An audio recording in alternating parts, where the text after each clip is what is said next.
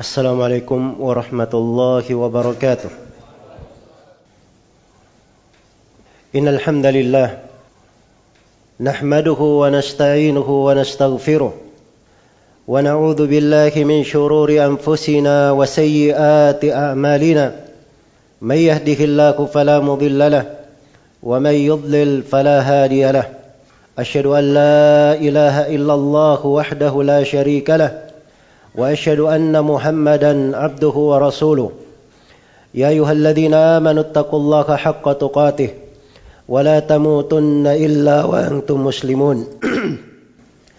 يا أيها الناس اتقوا ربكم الذي خلقكم من نفس واحدة وخلق منها زوجها وبث منهما رجالا كثيرا ونساء واتقوا الله الذي تساءلون به والأرحام إن الله كان عليكم رقيبا.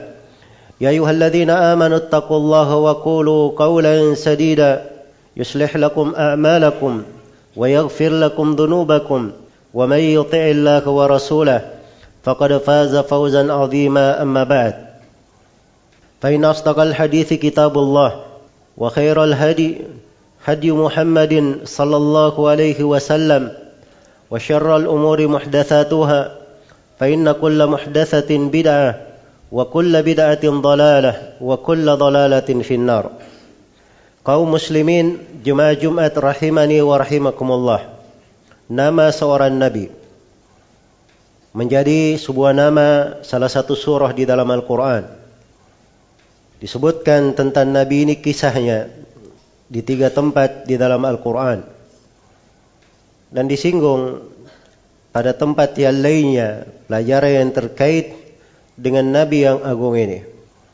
Beliau adalah Nabi Yunus bin Matta alaihi salatu wassalam. Nabi Yunus alaihi salam diutus kepada suatu kaum di negeri yang bernama Ninawa dari negeri Mausil. Dan kaumnya tidak beriman kepada nabinya. Namun mereka menjadi satu kaum yang Allah Subhanahu wa taala khususkan tatkala sudah melihat dari siksaan lalu mereka bertobat dengan tobat yang sesungguhnya kemudian siksaannya diangkat dari mereka. Itulah yang disebutkan di dalam Al-Qur'an di surah Yunus.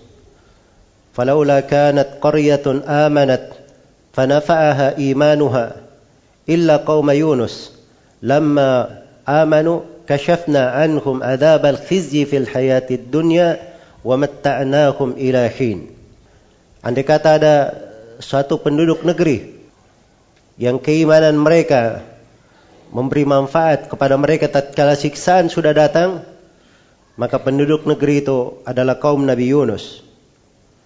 Karena tidak pernah terjadi sebelumnya. Ada penduduk negeri yang mereka membangkang terhadap nabinya, begitu siksaan datang, lalu siksaannya diangkat. Umumnya penduduk kaum apabila siksaan datang, mereka telah melihat tanda-tandanya, maka siksaan tersebut meratakan mereka dan membinasakan mereka. Karena itu Nabi Shallallahu Alaihi Wasallam pernah melihat mendung pada suatu hari, maka beliau bergetar. Ditanyakan kepada beliau tentang hal tersebut. Beliau berkata, suatu kaum di dalam Al-Quran dibinasakan dengan tanda itu. Mereka melihat tanda di langit, mendung mereka kira itu adalah hujan. Ternyata itu adalah siksaan yang membinasakan mereka.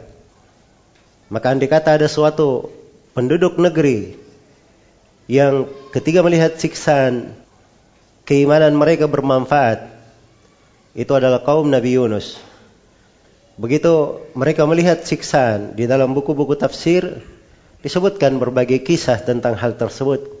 Tapi lahir ayat cukup untuk mengambil renungan. Begitu mereka melihat siksaan yang namanya siksaan penuh dengan kengerian, maka mereka disebutkan segera bertobat dan ini mencakup seluruh penduduk negeri itu. Semuanya bertobat kepada Allah Subhanahu wa taala, beriman di dalam bahasa ayat.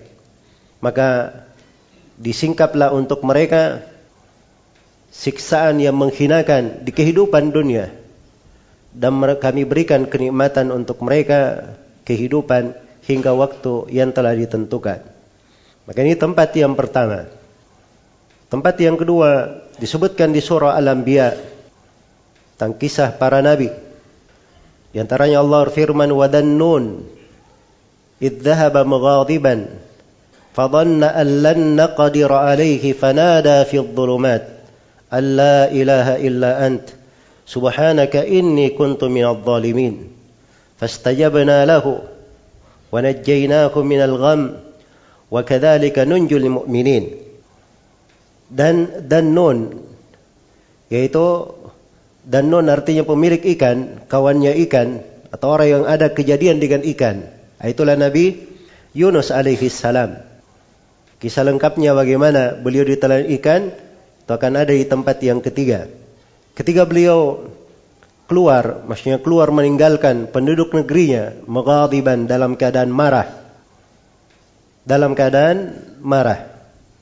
Nah ini letak kesalahan yang terjadi pada beliau sallallahu alaihi wasallam. Dan ini memberikan kepada kita semua berbagai pelajaran. Pelajaran yang pertama, para nabi itu adalah wali-wali Allah. Orang-orang yang didekatkan oleh Allah Subhanahu wa taala. Tapi bukan dari syarat wali Allah itu dia tidak melakukan kesalahan. Boleh saja dia jatuh di dalam dosa dan kesalahan, tetapi dia tetap adalah wali-wali Allah Subhanahu wa taala. Karena pokok dari wali Allah adalah keimanan dan ketakwaan. Ala inna awliya Allahi la khaufun alaihim wa la yahzanun alladzina amanu wa kanu yattaqun. Ketahuilah bahwa wali-wali Allah itu tidak ada ketakutan terhadap mereka dan tidak ada kesedihan. Itulah orang-orang yang beriman lagi bertakwa. Dan terdapat juga di dalam ayat ini bagaimana harusnya seseorang itu di dalam berdakwah dia memiliki dari kesabaran terhadap apa yang menimpanya dan meninggalkan dari akhlak marah ini. Karena itu di dalam syariat kita telah dilarang akan hal tersebut. Bahkan Allah Subhanahu wa taala mengingatkan kepada nabinya, "Fasbir li hukmi rabbik." ولا تكن كصاحب الحوت إذ نادى وهو مكذوم لولا أن تداركه نعمة من ربه لنبذ بالآراء وهو مذموم فاجتباه ربه فجعله من الصالحين Bersabarlah engkau Nabi Muhammad terhadap hukum Rabbmu. Hukum Rabbmu mencakup hukum kauniyah dan hukum syariah. Sabarlah engkau terhadap ketentuan dan takdir Allah yang pahit maupun yang buruk. Sabarlah engkau di dalam menjalankan perintahnya dan sabarlah engkau di dalam meninggalkan larangannya. Ini semuanya tercakup di dalam hukum Allah. Sabarlah engkau di, terhadap hukum Allah dan jangan engkau seperti orang yang punya kejadian dengan ikan besar yaitu Nabi Yunus alaihi salam. Ketika dia berdakwah dalam keadaan dia marah, dalam keadaan dia dicela dengan hal tersebut, Andai kata beliau tidak diliputi oleh nikmat dari Allah, dibahasakan di dalam ayat, laula an tadarakahu. Dan idrak itu diliputi oleh sesuatu dari segala penjuru. Menunjukkan bahwa seorang hamba tidak ada daya dan upaya yang dia miliki. Apa yang menyebabkan dia lepas dari siksaan, apa yang menyebabkan dia berada di atas petunjuk, itu adalah semata anugerah dari Allah Subhanahu wa taala. Andai kata bukan ia diliputi nikmat dari Rabbnya, maka dia akan terbuang di al-ara di tanah lapang dalam keadaan dicela, dalam keadaan ia tidak terlepas dari siksa Allah Subhanahu wa taala dan dicela terhadap perbuatannya. Tapi Allah Subhanahu wa taala telah memilihnya dan menjadikannya sebagai orang-orang yang salih. Maka itulah Nabi Yunus alaihi salam dijadikan hal ini pelajaran untuk kita semua tentang jeleknya dari akhlak marah tersebut sifat yang tidak terpuji pada seorang muslim dan muslimah Karena itu telah datang di dalam syariat ini dari ayat-ayat Al-Quran dan hadith-hadith Rasulullah Sallallahu Alaihi Wasallam penjelasan-penjelasan bagaimana menghindari akhlak yang buruk ini. Maka dikatakan wadannun idh dhahaba mughadiban fadhanna an lan naqdir alaihi. Beliau menyangka bahwa kami tidak mampu terhadapnya. Sangkaan di sini juga pada hal yang dengannya Nabi Yunus menyangka baik kepada Robnya. Karena seorang hamba itu kadang dia berbuat jatuh di dalam dosa, dia melihat dari luasnya rahmat Allah, besarnya rahmat Allah Subhanahu wa taala. Maka ini ayat terdapat peringatan di sini agar supaya seorang itu mengontrol sangkaannya kepada Allah Subhanahu wa taala. Fanada fi dhulumat. Maka setelah kejadian yang menimpanya ditelan oleh ikan ia pun memanggil di tengah kegelapan. Abdulumat artinya kegelapan-kegelapan. Kegelapan di atas kegelapan kata para ulama ahli tafsir berkumpul padanya berbagai jenis kegelapan kegelapan di dalam lautan kegelapan di tengah malam dan kegelapan di dalam perut ikan. Maka di dalam kegelapan yang berlapis kegelapan tersebut, beliau pun fanada memanggil dengan suaranya dan kata nida dalam bahasa Arab itu adalah panggilan dengan suara yang keras. Dia memohon kepada Allah Subhanahu wa taala dengan sangat dengan penuh kesungguhan. Fanada fi dhulumati alla ilaha illa ant subhanaka inni kuntu minadh dhalimin. Beliau berucap, tidak ada ilah yang berhak diibadahi kecuali engkau. Maha suci engkau ya Allah. Sesungguhnya saya termasuk orang-orang yang berbuat zalim. Ini tiga rukun di dalam doa Nabi Yunus alaihi salam. Yang pertama, beliau mentauhidkan Allah Subhanahu wa taala karena tauhid itu adalah sebab keselamatan di dunia dan di akhirat. Dan jangan berharap dari keselamatan tanpa ada dari tauhid itu. Kemudian yang kedua, dia memuji Allah Subhanahu wa taala bertasbih, menyanjungnya, meninggikannya dan mensucikannya dari segala aib. Dan itulah perkara para nabi dan para rasul. Subhana rabbika rabbil izzati amma yasifun wa salamun alal mursalin. Maha suci Allah, Rabbil Izzah dari segala kejelekan yang mereka ucapkan. Dan sungguh selamat jalannya para nabi dan para rasul. Sebab itulah pujian yang merupakan jalan para nabi dan para rasul. Kemudian yang ketiga, Nabi Yunus menyebutkan kondisi dirinya. Diakui akan dosa-dosanya. Ini kuntu minadh dhalimin. Sesungguhnya saya dulunya termasuk orang-orang yang berbuat zalim. Termasuk orang-orang yang berbuat zalim. Dan terdapat bahwa kezaliman itu banyak bentuknya. Karena itu kata para ulama, zalim itu ada tiga. Yang pertama adalah syirik akbar. Dan ini dijauhkan dari para nabi dan para rasul. Kezaliman yang kedua adalah dosa selain dari kesyirikan antara dia dan antara Allah Subhanahu wa taala. Dan yang ketiga dari kezaliman adalah kezaliman terhadap manusia yang lainnya. Maka kata zalim itu luas cakupannya. Dan Nabi Yunus alaihi salam di sini beliau mengakui apa yang beliau telah lakukan dan beliau menganggap dirinya zalim di dalam hal tersebut. Karena itu beliau memohon ampunan dari Allah Subhanahu wa taala. Dan ini doa disebutkan oleh Imam Tirmidzi dari Sa'ad bin Abi Waqqas radhiyallahu taala anhu. Doa Nabi Yunus ini, "Ma da'a biha rajulun muslimun fi syai'in qad illa istajabalah." Tidaklah seorang muslim itu membaca doa ini pada suatu hal apa pun kecuali Allah Subhanahu wa taala pasti akan mengabulkannya. Dan ini menunjukkan bahwa doa-doa itu hendaknya dibarengi dengan hal-hal yang dengannya menunjukkan pujiannya kepada Allah Subhanahu wa taala, pengagungannya dan pembesarannya. Semakin dia tampakkan dari kepapahannya, diakui dari dosa-dosanya, dia sesali akan kesalahannya, maka akan menjadi besar sebab dikabulkan doanya. Karena itu di kelanjutan di ayat berikutnya dikatakan fastajabana lahu kami jawab doa Nabi Yunus ini. Kami kabulkan. Wa minal gham. Dan kami selamatkan dia dari gunda gulana yang menimpanya, dari al-gham yang sangat dahsyat tersebut di dalam perut ikan. Wa kadzalika nunjil mu'minin. Demikianlah kami selamatkan orang-orang yang beriman. Ini sudah di tempat yang kedua dan disifatkan dengan sifat keimanan. Syarat untuk keselamatan, kebebasan dari musibah dan malapetaka itu adalah keimanan.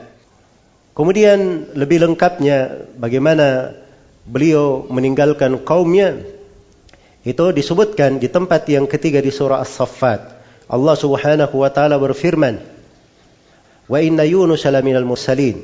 إذ أبق إلى الفلك المشحون فساهم فكان من المدحضين.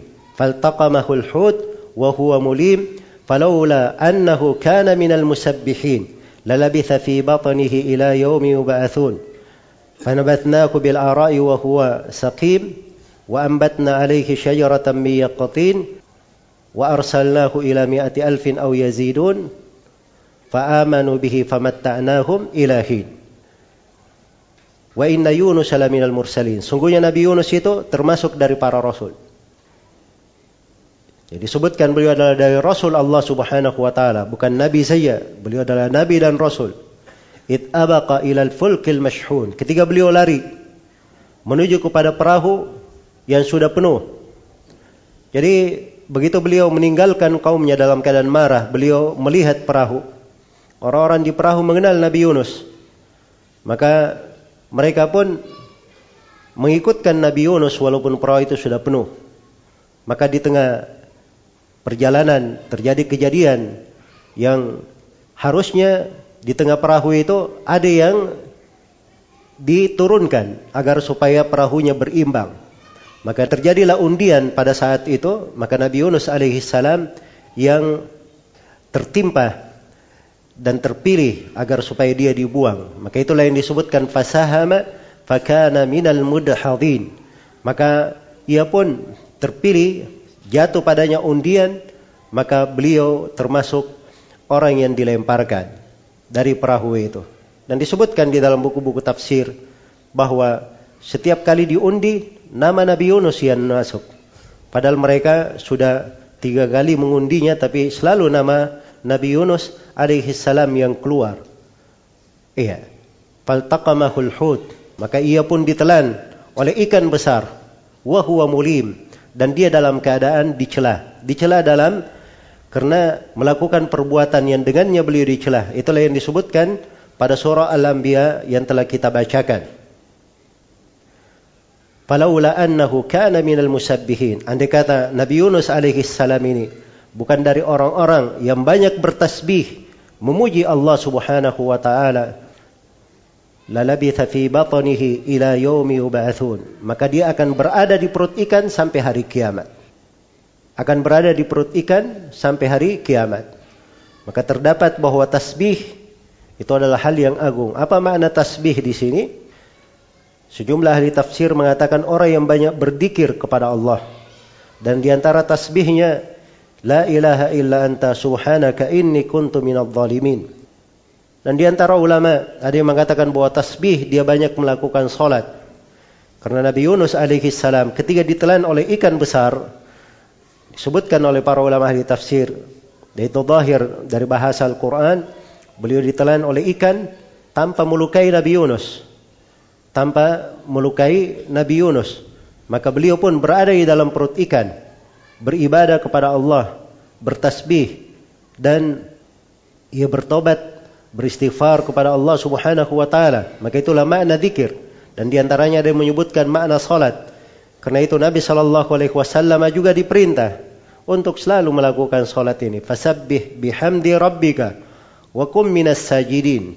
Dan ini apabila tertimpa perkara-perkara yang berat, tertimpa hal-hal yang besar, maka para nabi dan para rasul banyak melakukan salat.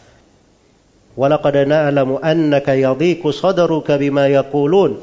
Fasabbih bihamdi rabbika wa kum ma'as sajidin. Wa'bud rabbaka hatta ya'tiyakal yaqin. Sungguh kami telah mengetahui bahwa kadang dada engkau Nabi Muhammad sempit terhadap apa yang mereka katakan. Saking banyaknya celaan dan gangguan dari kaum musyrikin.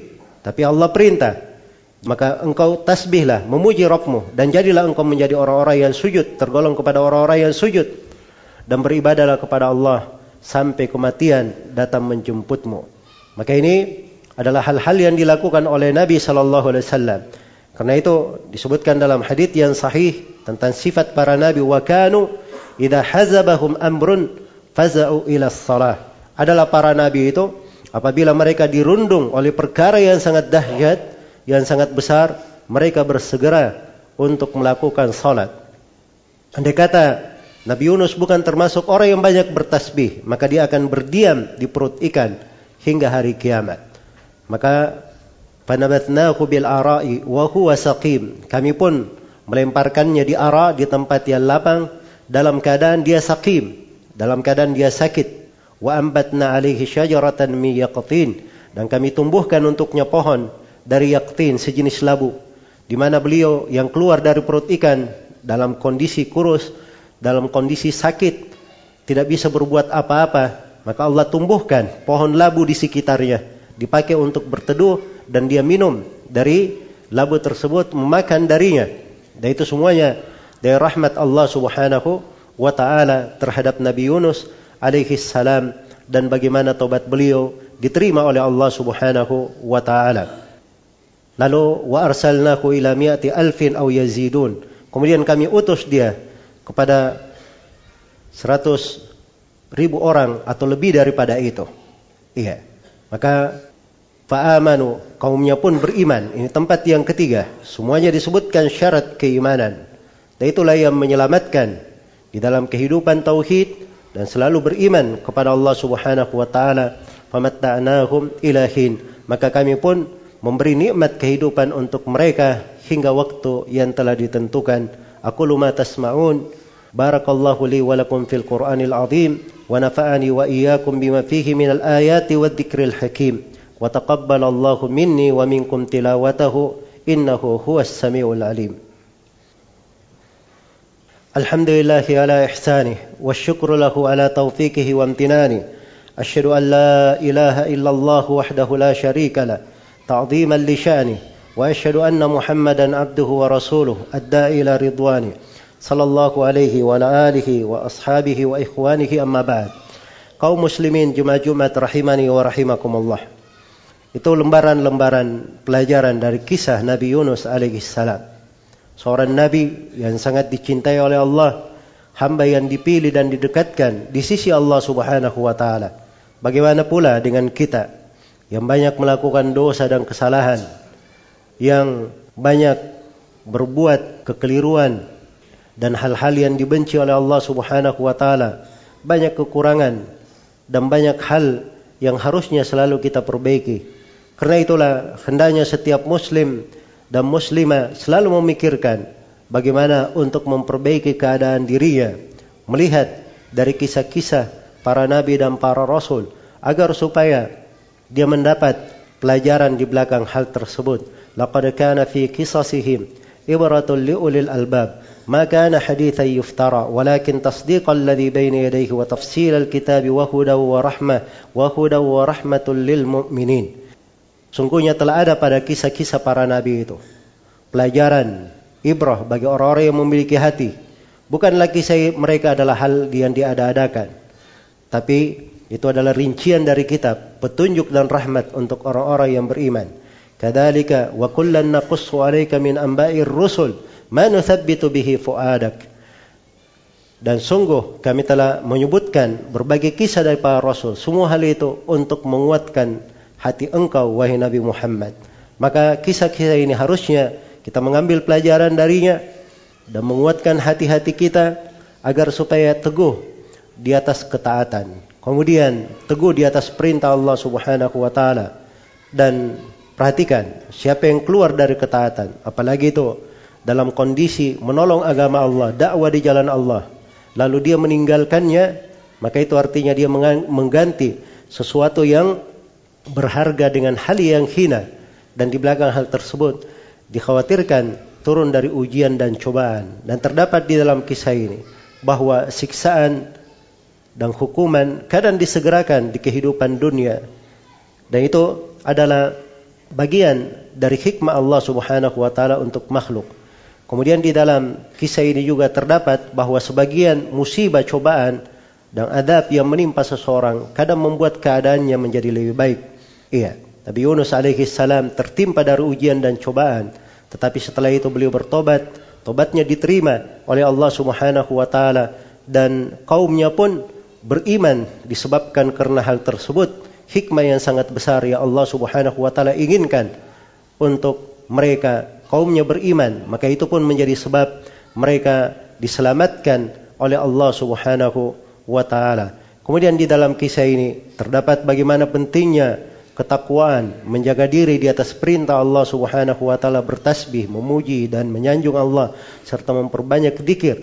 Maka itu adalah jalan keluar dari segala permasalahan.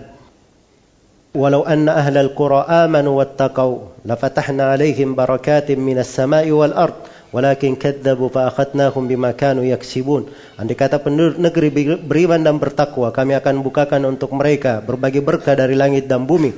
Tetapi mereka mendustakan, maka kami siksa mereka karena perbuatan mereka sendiri. Dan Allah firman, "Wa may yattaqillaha yaj'al lahu makhrajan wa yarzuqhu min haitsu la yahtasib." Barang siapa yang bertakwa kepada Allah, Allah akan adakan untuknya jalan keluar dan dia akan diberi rezeki dari arah yang tidak dia sangka. Thumma i'lamu rahimakumullah. Inna Allah amarakum bi amrin bada'a bihi bi nafsihi wa thanna bi malaikatihi al-musabbihati bi qudsihi faqala jalla min qail إن الله وملائكته يصلون على النبي. يا أيها الذين آمنوا صلوا عليه وسلموا تسليما. اللهم صل وسلم على نبيك ورسولك وحبيبك محمد. وارض اللهم عن خلفائه الراشدين أبي بكر وعمر وعثمان وعلي وعن الصحابة أجمعين. وأن معكم بفضلك وجودك وإحسانك يا أرحم الراحمين. اللهم أعز الإسلام والمسلمين. وأذل الشرك والمشركين ودمر أعداءك أعداء الدين من الكفرة ومن عاونهم من المنافقين والمرتدين. اللهم آمنا في أوطاننا وأصلح ولاة أمورنا وارزقهم بطانة صالحة تعينهم على طاعتك برحمتك يا أرحم الراحمين. اللهم من أراد بلادنا وبلاد المسلمين بسوء فأشغله بنفسه واجعله في نهره واجعل تدبيره تدميره. يا قوي يا عزيز ربنا ظلمنا أنفسنا وإن لم تغفر لنا وترحمنا لنكونن من الخاسرين. ربنا اغفر لنا ولإخواننا الذين سبقونا بالإيمان. ولا تجعل في قلوبنا غلا للذين آمنوا. ربنا إنك رؤوف رحيم. ربنا آتنا في الدنيا حسنة وفي الآخرة حسنة وقنا عذاب النار. عباد الله إن الله يأمر بالعدل والإحسان وإيتاء ذي القربى وينهى عن الفحشاء والمنكر والبغي يعظكم لعلكم تذكرون فاذكروا الله العظيم الجليل يذكركم واشكروه على نعمه يزيدكم ولذكر الله أكبر والله يعلم ما تصنعون